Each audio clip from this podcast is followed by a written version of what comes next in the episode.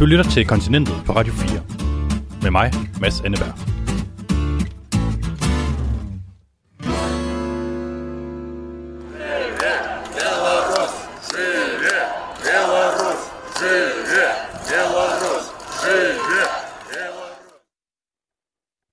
Det er halvandet år siden, at hviderusserne gik på gaden og krævede forandring. Danmark og EU har prøvet at lægge pres på styret med sanktioner, og flere sanktioner, og flere sanktioner. Men i mellemtiden er danske og europæiske virksomheder fortsat med at handle lystigt med det autokratiske land. Faktisk er værdien af det, som vi i Danmark importerer fra Hviderusland, fordoblet på to år, viser tal fra Danmarks Statistik. I dagens program taler jeg med den hviderussiske oppositionsleder Svetlana Tikhanovskaya, som lever i eksil i Litauen. Hun siger, at EU's sanktioner ikke virker, og har derfor en klar opfordring til danske virksomheder it would be important step uh, if uh, Danish companies uh, would stop uh, any any uh, uh import of uh, uh, Belarusian wood or any other goods. Indstil importen fra Hviderusland. Vi prøver i programmet at få fat i en af de danske virksomheder, som hun henviser til. Og så tjekker vi ind hos en engelsk lærer i Minsk, for at høre, hvordan det går inde i Hviderusland, mens handelen boomer. I would say that uh, things have become more alarming and more disturbing. You know, uh, it's a very uncomfortable feeling when you know that you can be arrested uh, any moment.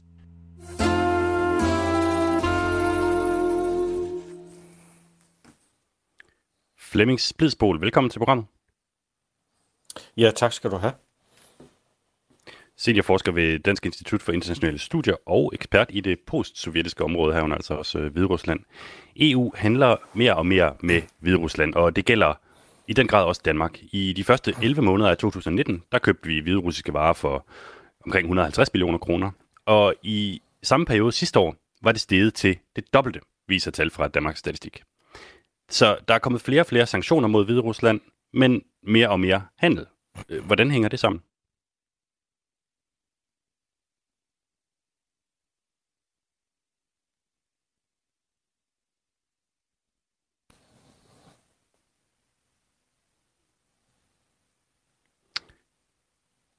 Flemming Splidsbol, kan du høre mig?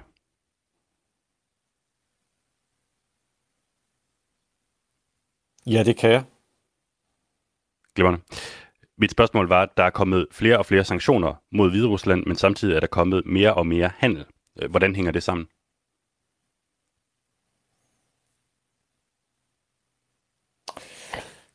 Der er jo ikke øh, nødvendigvis et modsætningsforhold mellem øh, de to. Øh, vi har sanktioner mod, Rus, mod Belarus øh, efterhånden ret omfattende, men det er jo de såkaldte målrettede sanktioner, som man forsøger ligesom sådan med den helt lille skruetrækker at gå ind og forsøge at ramme dele af styret, øh, straffe politikere og måske folk fra forsvaret og andre, herunder også måske nogle statsejede virksomheder. Og så øh, er der noget handel, som øh, man jo egentlig også ønsker. Øh, man har jo for eksempel fra EU's side været ret klar i forhold til, at øh, sanktioner skal ikke ramme den almindelige befolkning. De skal ligesom ramme dem, der, der står i spidsen for, for Belarus, øh, de folk, som er ansvarlige for nogle af de overgreb, der har været, den undertrykkelse, der har været. Men almindelige belaruser skal ikke mærke, at der er en konflikt. De skal fortsat kunne have deres job, og de skal fortsat kunne opretholde den levestandard og den livsstil, som de har. Nu siger du, det er den lille skruetrækker, vi har øh, hævet frem her. Altså, virker de her sanktioner, som øh, EU har lagt på Hviderusland?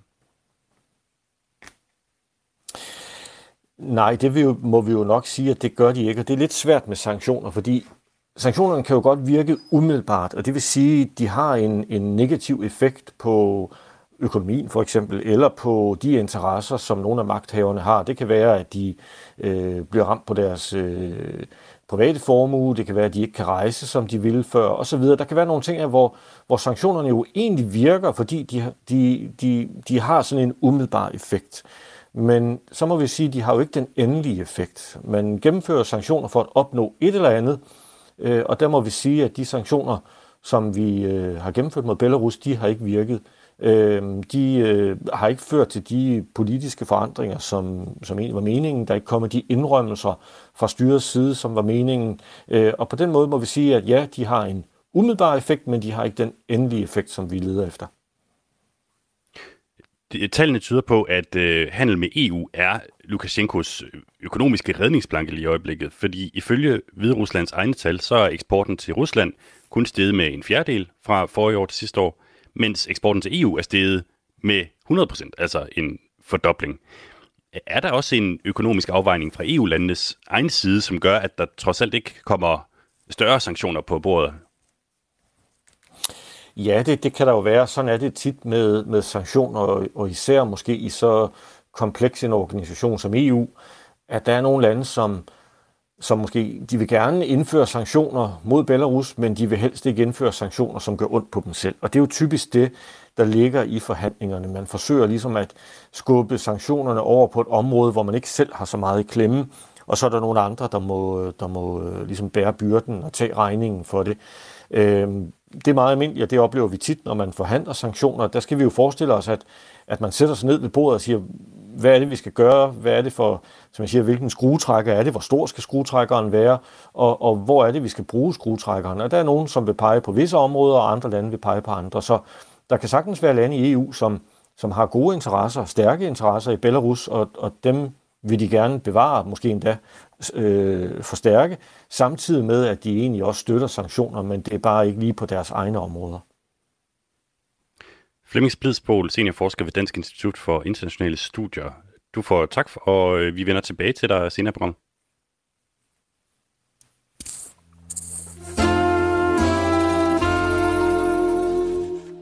Personen, du skal høre fra nu, hedder Svetlana Tikhanovskaya. Den hviderussiske engelsklærer, som besluttede sig for at stille op mod den siddende præsident Alexander Lukashenko til præsidentvalget i 2020. Hun fik angiveligt 10% af stemmerne, mens Lukashenko fik 80. Men det resultat var der ikke så mange, der tog for gode varer. Efter valget måtte hun gå i eksil i Litauen, og lige siden har hun kæmpet mod Lukashenko-styret udefra. Hello, do you hear me? Do you see me? Hello, Mrs. Tikhanovskaya. Yes, I do, and yes, I do. Thank you very much for being on the program. Thank you for invitation. How are you? Uh, I don't know how to answer this question. Let be, I'm fine, thank you, as I was studied in school. Svetlana Tikhanovskaya gider ikke noget bullshit, og fejrer mig totalt af banen, da jeg som en anden amerikaner kommer til at stille spørgsmålet, How are you? Jeg spørger, hvad hun tænker om, at handelen med Hviderusland boomer, mens frihedsrettighederne bogstaveligt talt får en over nakken i hendes hjemland. because uh, so many loopholes have been left in um, sanction policy of European Union. Uh, sanctions uh, have been left, so uh, that's why they don't work properly, and it uh, gives uh, like ground for regime to, um, you know, to say, "Look, everything is fine. We are not afraid of sanctions." Selvom EU har lagt sanktioner efter sanktioner på regimet, så giver hun ikke meget for resultatet. you know that regime has a lot of uh, uh, experience in uh, circumventing sanctions, and they now, you know, uh, use um, you know weak points of sanctions to increase uh, increase their incomes. Regimet er dygtige til at finde smuthuller, og det er en af forklaringerne på, at de nu kan stå og sige, se hvor godt det går. Vi handler mere med EU end nogensinde før. Men en endnu større forklaring er selvfølgelig de ting, der slet ikke er sanktioner på. Som for eksempel træ. Selvom alle skove i Hviderusland er statsejet, og en del af de millioner af kroner, der bliver importeret for hvert år til Danmark, dermed ryger i lommen på Lukashenko. Og Svetlana Tikhanovskaya kommer derfor med en klar opfordring til danske virksomheder. It would be important step uh, if uh, Danish companies uh, would stop uh, any any uh, import of uh, Belarusian wood or any other goods, just for uh, some time, you know, to show uh, solidarity to show that uh, you know, Danish uh, enterprises are not going to um, help uh, Belarusian regime to press uh, to suppress uh, Belarusian citizens, to uh, not to uh, give the input into regime's crimes. Hun mener altså, at danske virksomheder i en periode bare skal holde helt op med at handle med Hviderusland. I hvert fald med de virksomheder, som er statsejet eller har tilknytning til regimet og oligarkerne i landet. And why do you believe in the end that it's up to Danish companies? Why is it their responsibility to help bring change in Belarus? You know, Danish companies are in Denmark, the country uh, that um, for which uh, human lives, uh, human dignity uh, are very important uh, key values, and I think that uh, companies should um, like follow like the social values, and you know, of course, stop stop buying from. Um, from Belarus, you know, it wouldn't harm too much to Denmark economy, but would um, harm uh, regime uh, a lot. Men vil det ikke også gå ud over den hviderussiske befolkning, hvis vi bare stopper med at købe deres ting? No, I often hear this narrative uh, that Belarusian people will suffer because of sanctions, but believe me, uh, people in Belarus are suffering because of the regime, because of lawlessness, because of uh, uh tortures in our country, and uh, people are asking from us uh, ask for more sanctions because we are so tired. We are, it's so painful to live in this country and this regime that we would bear any like economic um, economic okay sufferings, but we don't. We want to get rid of this regime. Sanktioner er ikke det værste, den hviderussiske befolkning er op imod, mener hun. Hun understreger også, at det her ikke skal forstås som en kritik af Danmark. Denmark is very active in um, supporting uh, Belarusian cause. Uh, I really feel gratitude to uh, Danish uh, Danish uh, government for helping us. Of course, not everything is possible, but as a Belarusian citizen uh, whose husband and whose people are in jail now, you know, I'm sure that much more could be done. Som en, hvis mand og hvis befolkning er i fængsel, er hun sikker på, at der godt kan gøres mere.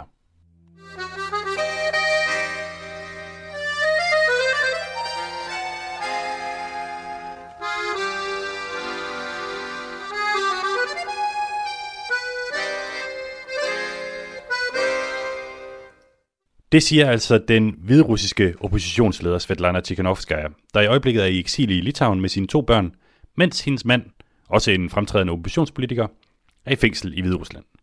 Og det siger hun altså, fordi det viser sig, at den hviderussiske leder Alexander Lukashenko i de her måneder scorer jackpot.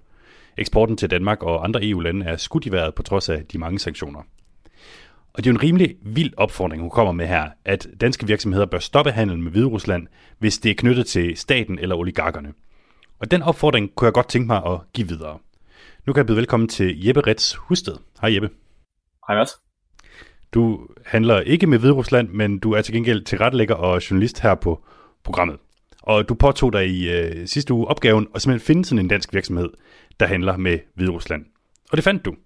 Ja, det gik faktisk øh, ret hurtigt øh, med at finde en, øh, en virksomhed, som øh, handlede med Hviderusland. Øh, det lykkedes mig at finde frem til en øh, mindre fynsk virksomhed, som producerer, hvad man bedst kan kalde trafikorienteret trævarer. Det kunne for eksempel være øh, landmålerstokke, de her rødhvide øh, træpinde, som man nogle gange ser stå rundt omkring i jorden. Det var også øh, det, som kaldes afspæringslægter, som er sådan nogle igen rødhvide øh, trælægter, som øh, typisk øh, forbinder kejler, øh, når man placerer dem rundt omkring et, et vejbyggeri eksempelvis. Og øh, den her virksomhed optræder i en øh, artikel fra et lokalt ugeblad øh, fra sidste år, hvor øh, ejerne af virksomheden øh, er ret åben omkring, at øh, de køber træ fra et øh, savværk i øh, Hviderusland, som øh, får øh, træet fra øh, statsskovene i øh, Hviderusland. Øhm, og de siger selv, at, at de modtager to til tre læs træ øh, fra øh, det her hvidrussiske savværk øh, om ugen. Og vi har altså simpelthen valgt ikke at sætte navn på den her virksomhed, fordi det handler jo ikke om, om den som sådan, men om, om det større sådan princip. Øhm, og jeg kan tilføje, at der findes åbenbart kun statsejet skov i Hvide Rusland, så den er sådan rimelig klar, at hvis man køber hviderussisk træ, så køber man af styret. Og øh, der blev sidste år øh, fra januar til oktober solgt træ og trævarer fra Hviderusland til Danmark for 124 millioner kroner, som faktisk var mere end det dobbelte af, hvad der blev solgt i hele 2019. Ja, man kan måske lige tilføje her også, at øh, Hviderusland faktisk har et decideret skovministerie, altså hvilket fortæller noget om, hvor stor en industri det rent faktisk er dernede. De sidder på 88% af skovene, mm. og så har præsidentens kontor, altså Lukashenkos helt eget kontor, har også lige en, en, en bid af, af statsskovene her. 8% ejer de ifølge nogle tal, som vi fandt øh, på FN's hjemmeside.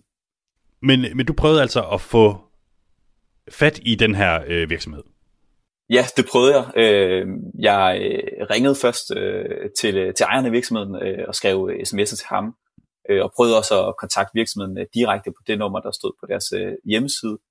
Øh, jeg sendte også mails øh, til, til, til dem begge to, men hørte, øh, hørte ikke noget tilbage på det. Ja, det er jo ligesom om, at de var øh, som, som sunket i jorden. Øhm, men i mellemtiden så var du så inde og prøve at finde ud af, hvem det er, der køber de her øh, varer, altså de her trævarer, landmåler, stokke og, og, og forskellige trafikredskaber. Øh, Ja, og det er jo lidt interessant, fordi ligesom man kan følge øh, træets øh, rejse fra de hvidrussiske statsskov op til den her fynske virksomhed og videre ud på det danske marked, så kan man jo også følge pengene den, øh, den anden vej rundt. Og der fik jeg faktisk øh, fat i en øh, fyns øh, kommune, som bekræftede, at øh, de i løbet af de øh, seneste to år havde købt for 10.306 kroner hos den her virksomhed.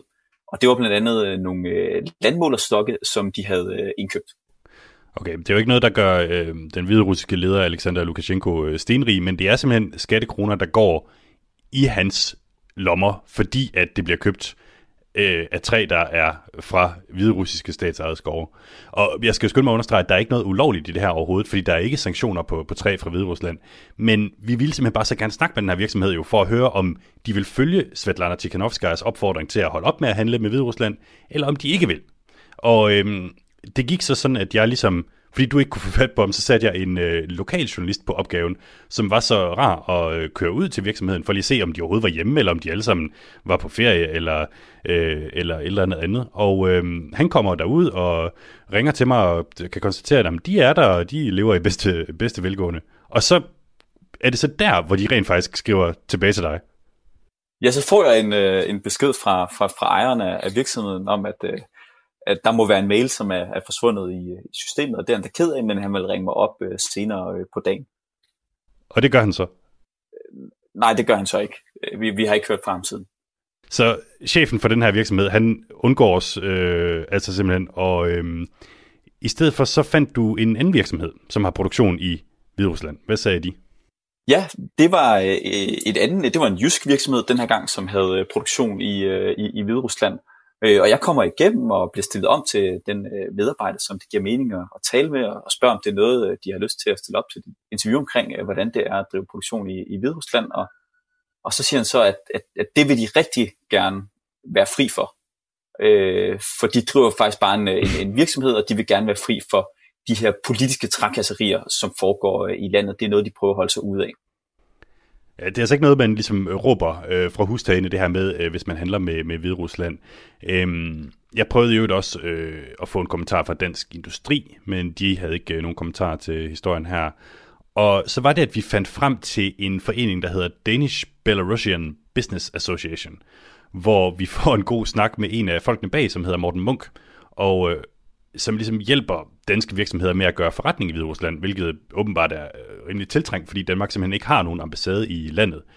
Og han var jo totalt klar på et interview lige indtil i går, hvor han så ikke var det længere, fordi han synes, det blev for politisk. Så Jeppe, hvis vi skal opsummere, hvad blev resultatet af vores øh, virksomhedsjagt? Jamen resultatet blev at vi fandt frem til flere danske virksomheder, som øh, gør forretning i Hvide Rusland, men at øh, der er ikke nogen af dem, som har lyst til at stille op. Og jeg kan kun sige, at hvis der er nogen øh, derude, der sidder og lytter med, som handler med Hviderusland, eller har handlet med Hviderusland, så vil vi selvfølgelig meget gerne høre fra jer. Jeppe Rets Husted, journalist på Radio 4, tak for indsatsen. Det var slet.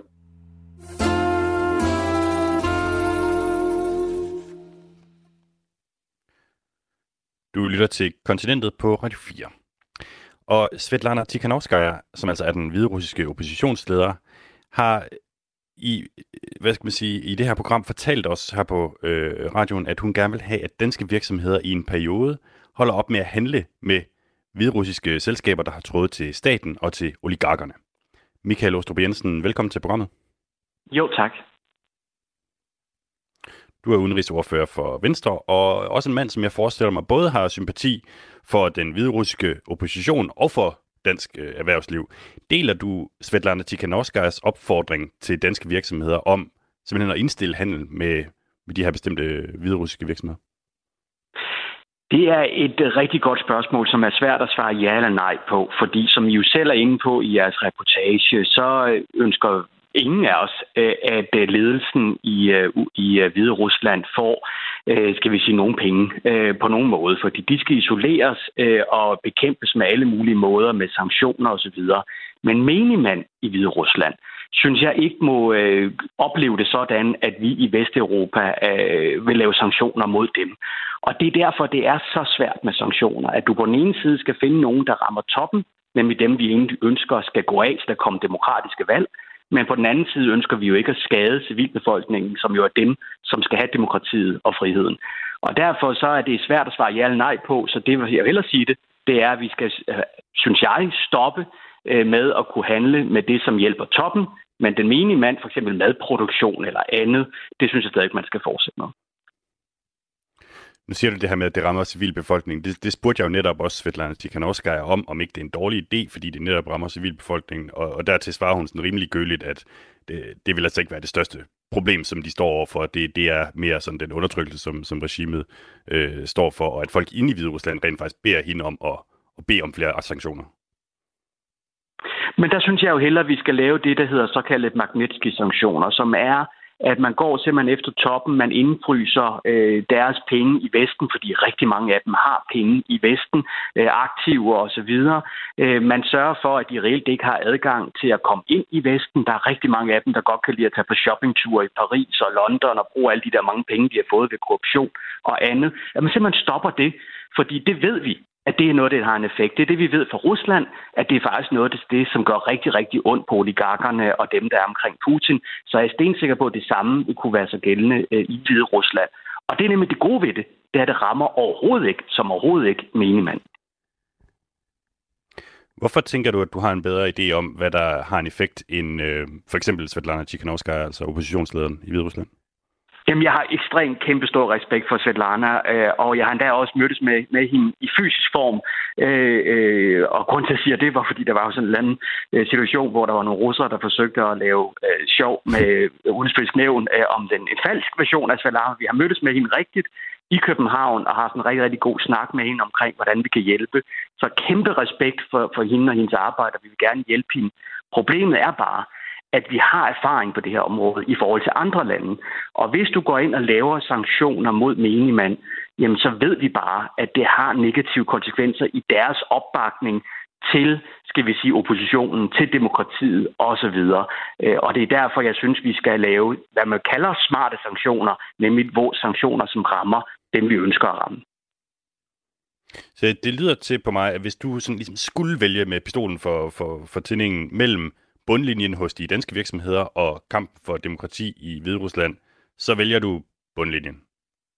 Jamen det her det faktisk intet med bundlinjen at gøre, fordi jeg mener, at virksomheder i Danmark og rundt, rundt omkring i verden skal også tænke øh, samfundsmæssigt. Altså, hvad, hvor er det, de gør en forskel, også en negativ forskel.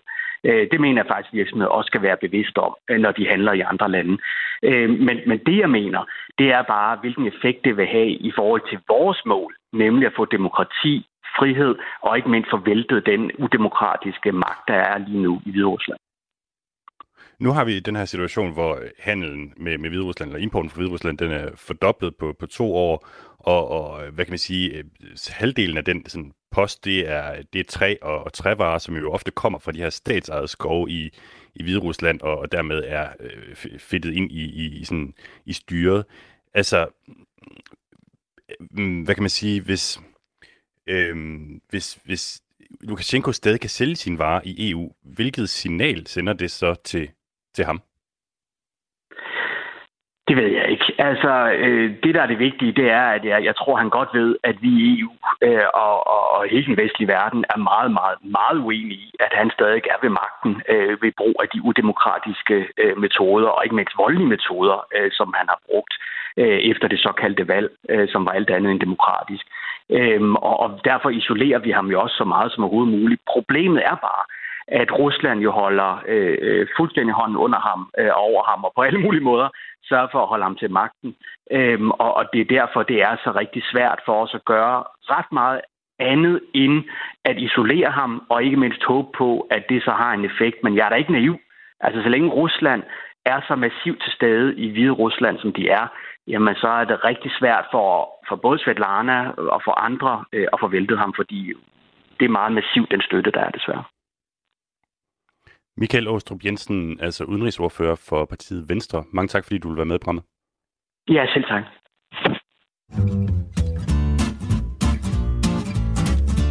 Du lytter til Kontinentet på Radio 4. Med mig, Mads Anneberg.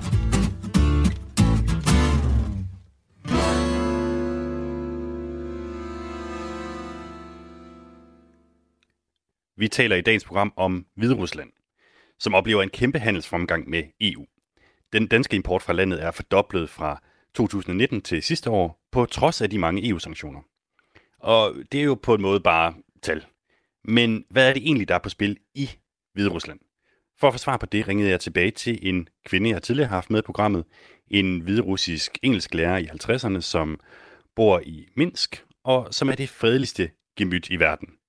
Bortset fra, at hun for et år siden kom i fængsel for at give en lussing til en Lukashenko-støtte til en demonstration.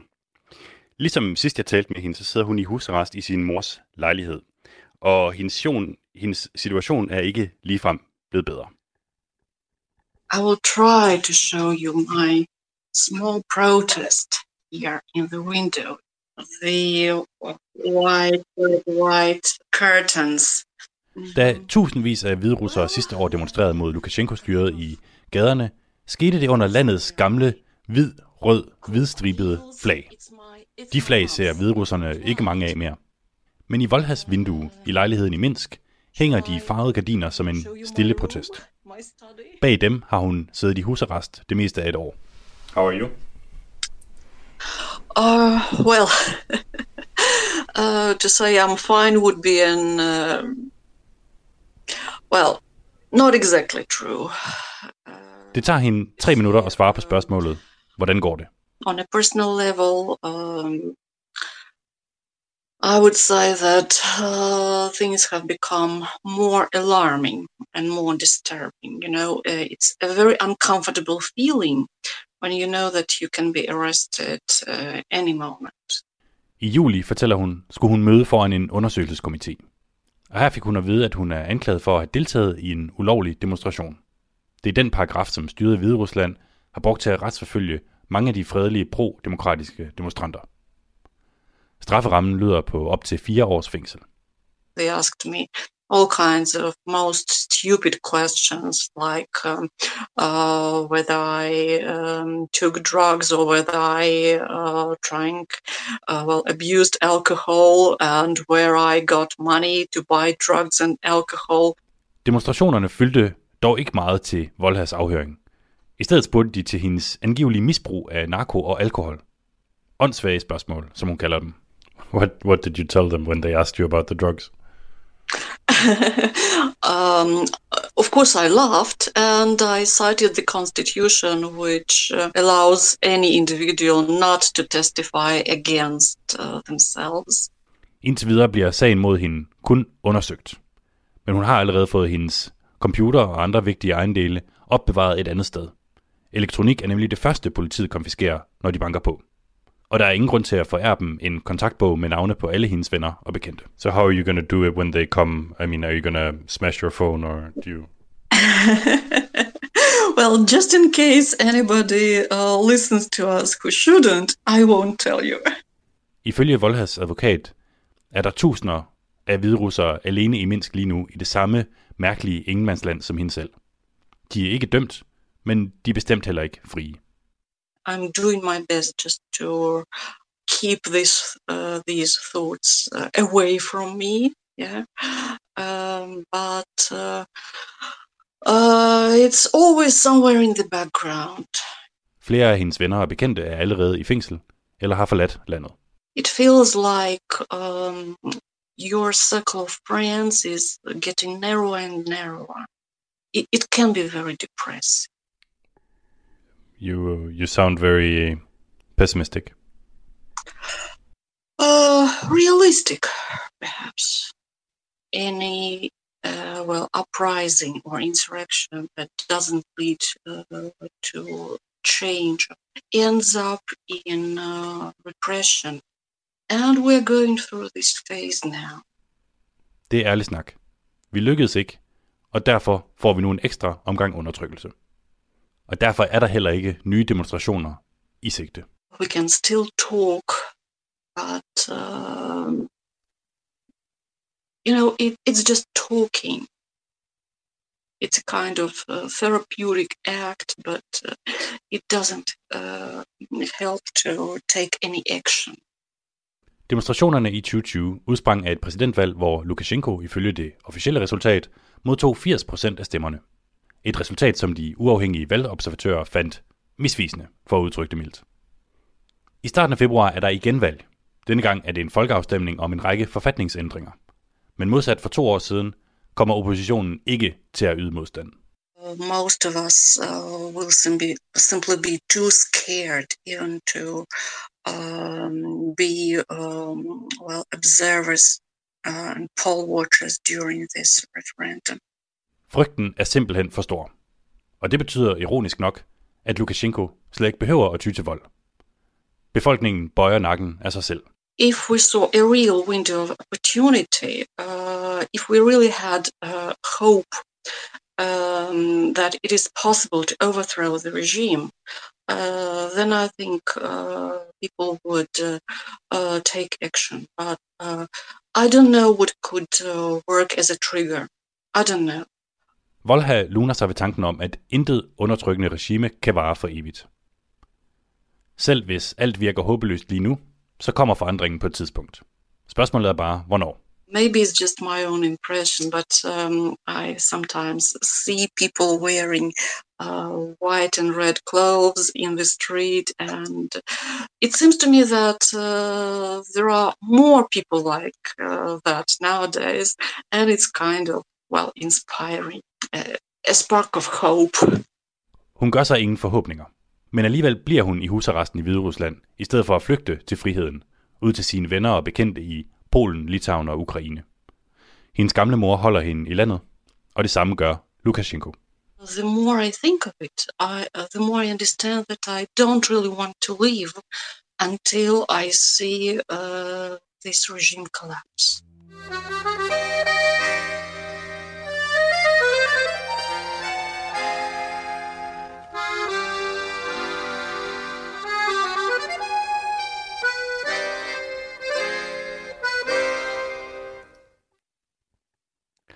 Det sagde altså engelsklæreren Volha fra Minsk.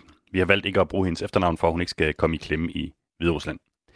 Nu vil jeg gerne have lov til at vende tilbage til dig, Flemming Splidsbol, seniorforsker på Dansk Institut for Internationale Studier og ekspert i, havde nær sagt, alt, hvad der er post-sovjetisk, heriblandt øh, Hviderusland. Flemming, vi hører her fra Volha i Minsk, at hun ikke lige umiddelbart kan se, hvad der skulle få folk ud på gaderne igen. Øh, er det endegyldigt slut med den her demokratibevægelse i Hviderusland? Nej, det er nok ikke endegyldigt slut. Der kan godt komme øh, en ny runde på et tidspunkt, men lige nu ser det selvfølgelig rigtig svært ud.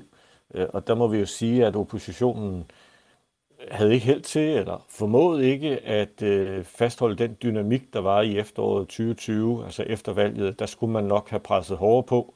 Øh, insisteret mere, måske tage et større opgør, og det er jo nemt for os at sige, fordi det har jo enormt store omkostninger. Vi ved jo, folk blev tortureret, folk blev likvideret, men, øh, men styret har ligesom øh, konsolideret sig igen og ser ud til at have styr på det meste, og har jo så også indgået et tættere samarbejde med Rusland.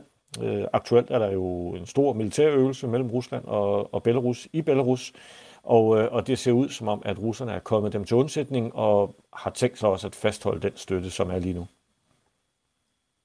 Og jeg skal selvfølgelig bare lige øh, opklare her, at øh, nogen siger Hvide Rusland, det er blandt andet mig, og nogen siger Belarus, det er blandt andet dig, øh, Flemming Spidsbogen, men det er det samme land, som, øh, som vi taler om. Øh, hvad gik der galt? Altså, fordi hvis man kigger på sådan et land som, som Ukraine for, for otte år siden, 2014, så var de igennem lidt, lidt det samme, hvor det rent faktisk lykkedes dem at få skiftet styret ud. Øh, hvorfor lykkedes det ikke i Hviderusland? Det er jo rigtig svært at pege på nogle enkelte øh, forhold. Altså grundlæggende kan vi jo sige, at, at Ukraine var jo også et andet land. Ukraine øh, har en anden politisk kultur, og havde det også på det tidspunkt, altså i slutningen af 2013, starten af 2014, hvor der var de her meget omfattende øh, demonstrationer. Der var jo også en, øh, en lang række demonstranter, der blev dræbt, men den politiske kultur alligevel øh, allerede på det tidspunkt lidt anderledes i, øh, i Ukraine, lidt mere imødekommende, lidt mere kompromissøgende. Øh, Belarus øh, er et mere er et autoritært styre, øh, øh, meget autoritært endda, og, øh, og det styre, der er villige til at gå meget langt for at fastholde magten og de privilegier, som de har. Og det kan vi jo så se, vi kunne se det i, i, i slutningen af 2020 og igennem sidste år også, hvor, øh, hvor langt de er villige til at gå, øh, hvordan de sætter ind, øh, meget kompromilløst, meget undertrykkende. Og så er det jo vanskeligt også, meget mere vanskeligt i Belarus end i Ukraine, at organisere sig. Og det er jo, nu hører vi så her fra en, en engelsk lærer, som måske nogle gange sidder og kigger ud af vinduet og tænker, skulle jeg gå ned på gaden og demonstrere? Men det, der er udfordringen der, det er, at, man, at hun ikke kan koordinere med andre. Så hvis hun går på gaden alene, så får hun jo bank. Hvis hun går på gaden med 500 andre, så får de måske alle sammen bank. Men hvis de går på gaden 50.000, så får de ikke bank. Og det er jo det, der er udfordringen i nogle af de her områder og de her lande, hvor der er så stærk kontrol. Det er simpelthen, at det er så vanskeligt at koordinere, og det ved styret selvfølgelig godt, og derfor sætter de ind for netop at vanskeliggøre det, måske endda næsten gør det umuligt for folk at koordinere den her modstand. Hænger hviderusserne selv på deres demokratikamp nu, eller er der mere hjælp at hente fra for eksempel EU? Grundlæggende hænger de jo selv på den. Grundlæggende er det jo deres eget ansvar, øh, og, og, og grundlæggende må de jo på en eller anden måde forsøge at finde ud af, hvad det er, de, hvad det er, de vil. Øh, ofte er det jo også problematisk at komme udefra og, og forsøge ligesom at, at, at, at øh, omstyre det et eller andet. Men når det så er sagt, så er der jo, så er der jo støtte, og det er jo også det, udsendelsen jo egentlig starter med, de her sanktioner, og hvor langt skal vi gå i vores sanktioner. Øh, og sanktioner er jo et eksempel på det, at, øh, at man forsøger at presse styret til at gøre nogle indrømmelser. Øh, og der kan man så diskutere jo også, hvor langt vi skal gå. Skal vi presse befolkningen så meget også, at de til sidst gør oprør og siger, nu er det, nu er det blevet for meget, nu vil vi slet ikke acceptere det mere. Øh, og, og det er en meget vanskelig, men også meget, meget spændende og vigtig diskussion.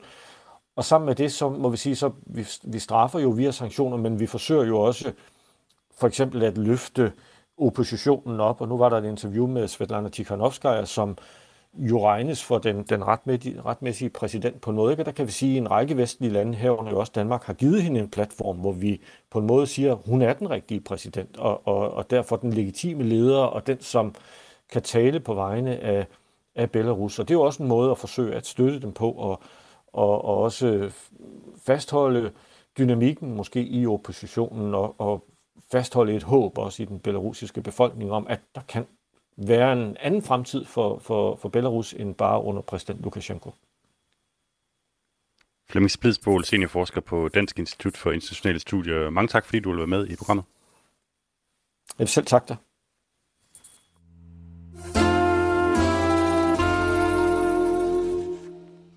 Og nu vender vi tilbage til Svetlana Tikhanovskaya. Den nu 39-årige hvidrusser, som besluttede sig for at stille op mod Lukashenko til præsidentvalget i 2020. Vi spurgte faktisk, om vi kunne få et interview med hende tilbage i foråret sidste år. Men dengang havde hun ikke tid. Det var dengang, der var fuldt fokus på Hviderusland, og hun havde næsten alle europæiske lederes opmærksomhed. I den her uge spurgte vi så igen, og der havde hun tid til at tale med os. Og det får mig til at tænke på, om hun måske kan mærke en dalende interesse for sin sag. I don't. I can't say that we feel um, less support. I, I say that you know attention may be a little bit distracted by uh, by other issues. Opmærksomheden er måske lidt distraheret, som hun siger. Og noget af det, som var med til at distrahere EU, var, at den hviderussiske leder, Alexander Lukashenko, lige pludselig begyndte at hjælpe migranter fra Mellemøsten og Afrika op til EU's grænse via Hviderusland. Og det gik fra at være en demokratikrise til en migrantkrise. Jeg spørger Svetlana Tikhanovskaya, om det i virkeligheden var et genialt træk af Lukashenko. On the one hand, of course, the attention was distracted attention from uh, political prisoners, from tortures, you know, from repressions in Belarus to the case of migrants. But uh, the problem is the same. It's its regime. You know, no, no, nobody um, was Mm, confused, you know, whom we, whom we should struggle with. Jo, det fjernede fokus fra deres kamp. Til gengæld gjorde det ikke Lukashenko bedre venner med EU, påpeger hun. Men samtidig skete der det i Hvide Rusland, at de store protester, som fandt sted i mange måneder efter valget, de holdt op. Why? You know, protests didn't stop themselves. Uh, they were suppressed uh, by uh, by this regime. We faced unprecedented repressions. Uh, people are really afraid, uh, but people didn't give up. I um, spoke to this program as well with um, Belarusian woman in Minsk. She's an English teacher, uh, like you used to be, and she participated in the protests. Uh, she went to jail, and she's still being investigated by the uh, authorities. Mm-hmm. She's in her fifties and no longer believes that democratic change will come to Belarus in her lifetime. Are you more optimistic? Of course, I'm more optimistic. I think that um, uh, people uh, maybe sometimes are disappointed because uh, everybody hoped for fast victory. So did we. Det er som to forskellige verdener. Den måde engelsklæreren Volha ser situationen på fra sin husarrest i Minsk, og så den måde, det ser ud fra Litauen hos den eksilerede oppositionsleder Tikhanovskaya. Is, um, is life better or worse right now for an average citizen in Belarus compared to before the elections and the protests? Uh, you know, it's simultaneously, uh, it's paradox, but it's simultaneously better and worse. Worse because people um, feel more frightened than they uh, were before because a, a, huge amount of people uh, participated in uh, uh in demonstrations and now people are scared. But people uh, despite of this of this fear people believe people changed. Everyone uh, changed as a person that look i can dream about something else not only about salary to live from salaries to salary i want great uh, things happen in our country uh, you know i just believe me that hope and belief inside uh, people is is alive Det er et paradoks, at hviderusserne både har fået det værre på grund af den indtil videre mislykkede revolution. De har fået bank, men de har også fået håb, mener Svetlana Tikhanovskaya. For hende selv har det betydet, at hun måtte flygte til et andet land med sine to børn, og samtidig er hendes mand for nylig blevet idømt 18 års fængsel i Hviderusland. It's painful because of uh, the, you know, my husband uh, is losing so much time uh, not spending uh, this time with with uh, his children, not living normal life, only because he uh, wanted to speak loudly for uh, human rights in our country. Uh, so, it, of course, it's personal, but it's also this common pain for the whole nation, for every family, for every person, and you like have to have to live with this every day. But it gives you energy as well. Jeg spørger til sidst, om hun har planer om at vende tilbage til Hviderusland. Of course, of course, this is my dream. I want to come back to my apartment together with my husband, and uh, this is my motherland. And um, you know, I uh, don't uh, feel that I have right, you know, to live in any other country. Though Lithuania now is my second home, a temporary home, but uh, you know, I for sure I want to live in my own country. Mrs. Tikhanovskaya, thank you so much for taking your time for this interview. Thank you. Thank you so much.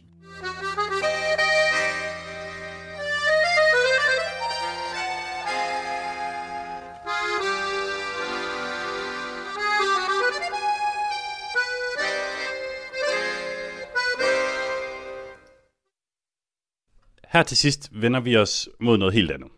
Vi skal have afklaret noget, som vi her på redaktionen har gået og grublet over den seneste tid.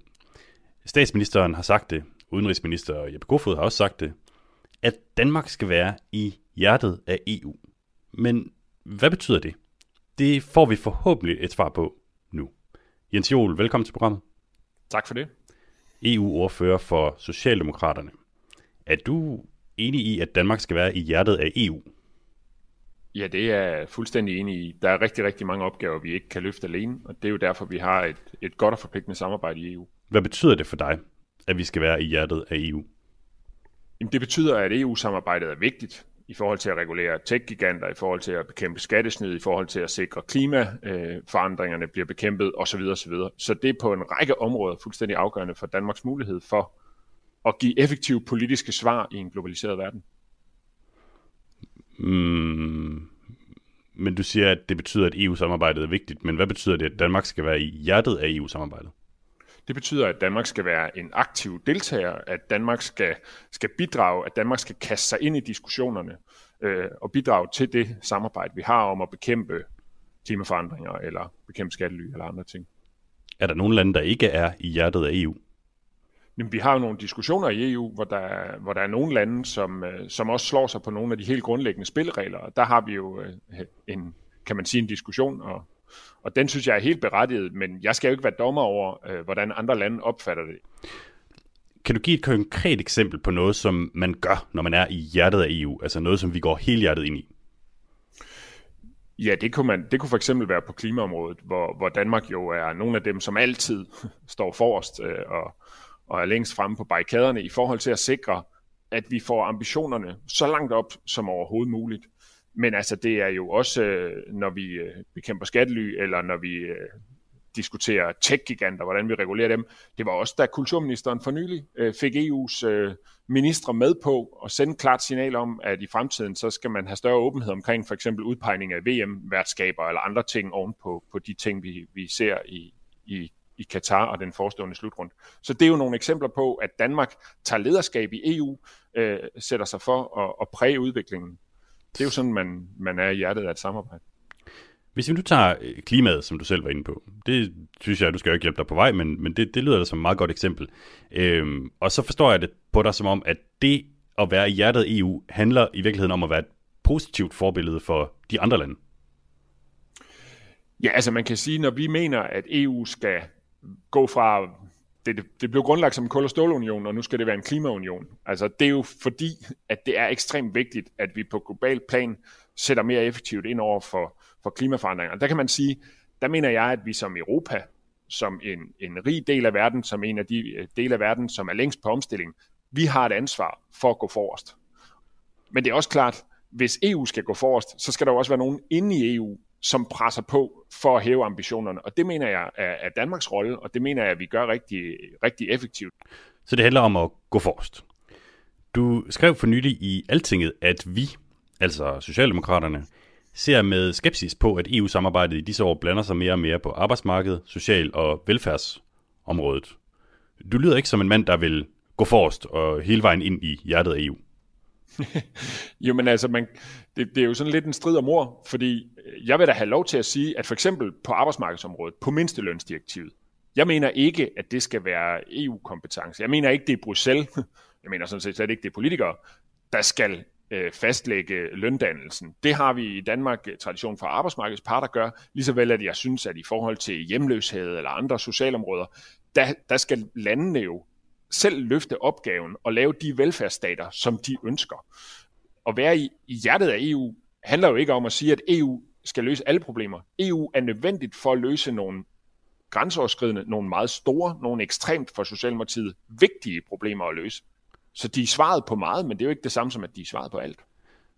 Så klimapolitik, det er hjertet af EU. Arbejdsmarkedet, social- og velfærdsområdet, det er noget andet.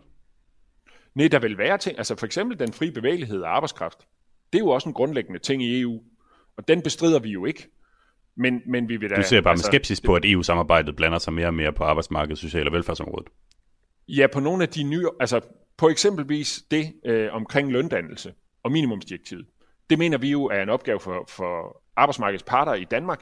Der er andre steder, hvor man har minimumslønninger. Der er ikke noget, der forbyder, altså Tyskland, den tyske regering, har lige vundet et valg på, og i øvrigt at hæve minimumslønnen. Det synes jeg er fornuftigt. Det er da rigtig godt, fordi der har været alt, alt for mange working poor, altså folk med fuldtidsarbejder, som ikke har kunne leve af deres løn i Tyskland. Men det er da Olaf Scholz og den nye socialdemokratiske regering, som skal løfte den diskussion, og ikke noget, der skal bestemmes i Bruxelles eller andre steder. Og derfor mener jeg også, der bør være respekt for, for, at løndannelsen i Danmark ligger hos arbejdsmarkedets parter, og i øvrigt slet ikke på Christiansborg jo, hos politikerne. For nu at bevise, Jens Jol, at det her ikke bare er tomme ord, øh, kunne du så ikke tænke dig at tage et øh, EU-flag med, næste gang du skal i, øh, i Folketingssalen, og så simpelthen bare stille det på bordet foran dig? Bare stille det på bordet. Altså, jeg har jo nogle gange, øh, Europabevægelsen har jo faktisk, nogle gange, når man har holdt oplæg for dem, så har de givet nogle af de der stjernesokker, som øh, blev berømte, da Uffe Ellemann i, i sin tid havde dem på. Så sådan nogle ejer du faktisk? Ja, sådan nogle ejer jeg faktisk, og jeg har dem også nogle gange på? på. Jeg vil sige, det, jamen det, det er faktisk mere styret af, hvor, lang, altså, hvor længe det er, siden jeg har vasket. Altså, og hvornår... Øh, så EU-sokkerne er laveste prioritet? Det sagde jeg ikke. Jeg siger, det er mere et spørgsmål om, hvornår de er rene jo. Det, der jo er humlen her, det er, at jeg er fuldtonet øh, begejstret for rigtig mange ting, at de gør, af, af det, som vi gør sammen i EU, men, men det betyder ikke, at vi er begejstret for det hele. Jens Jol, EU-ordfører for Socialdemokraterne. Mange tak. Selv tak. Ja, således fik vi også opklaret, hvad det betyder, at Danmark på nogle områder skal være i hjertet af EU.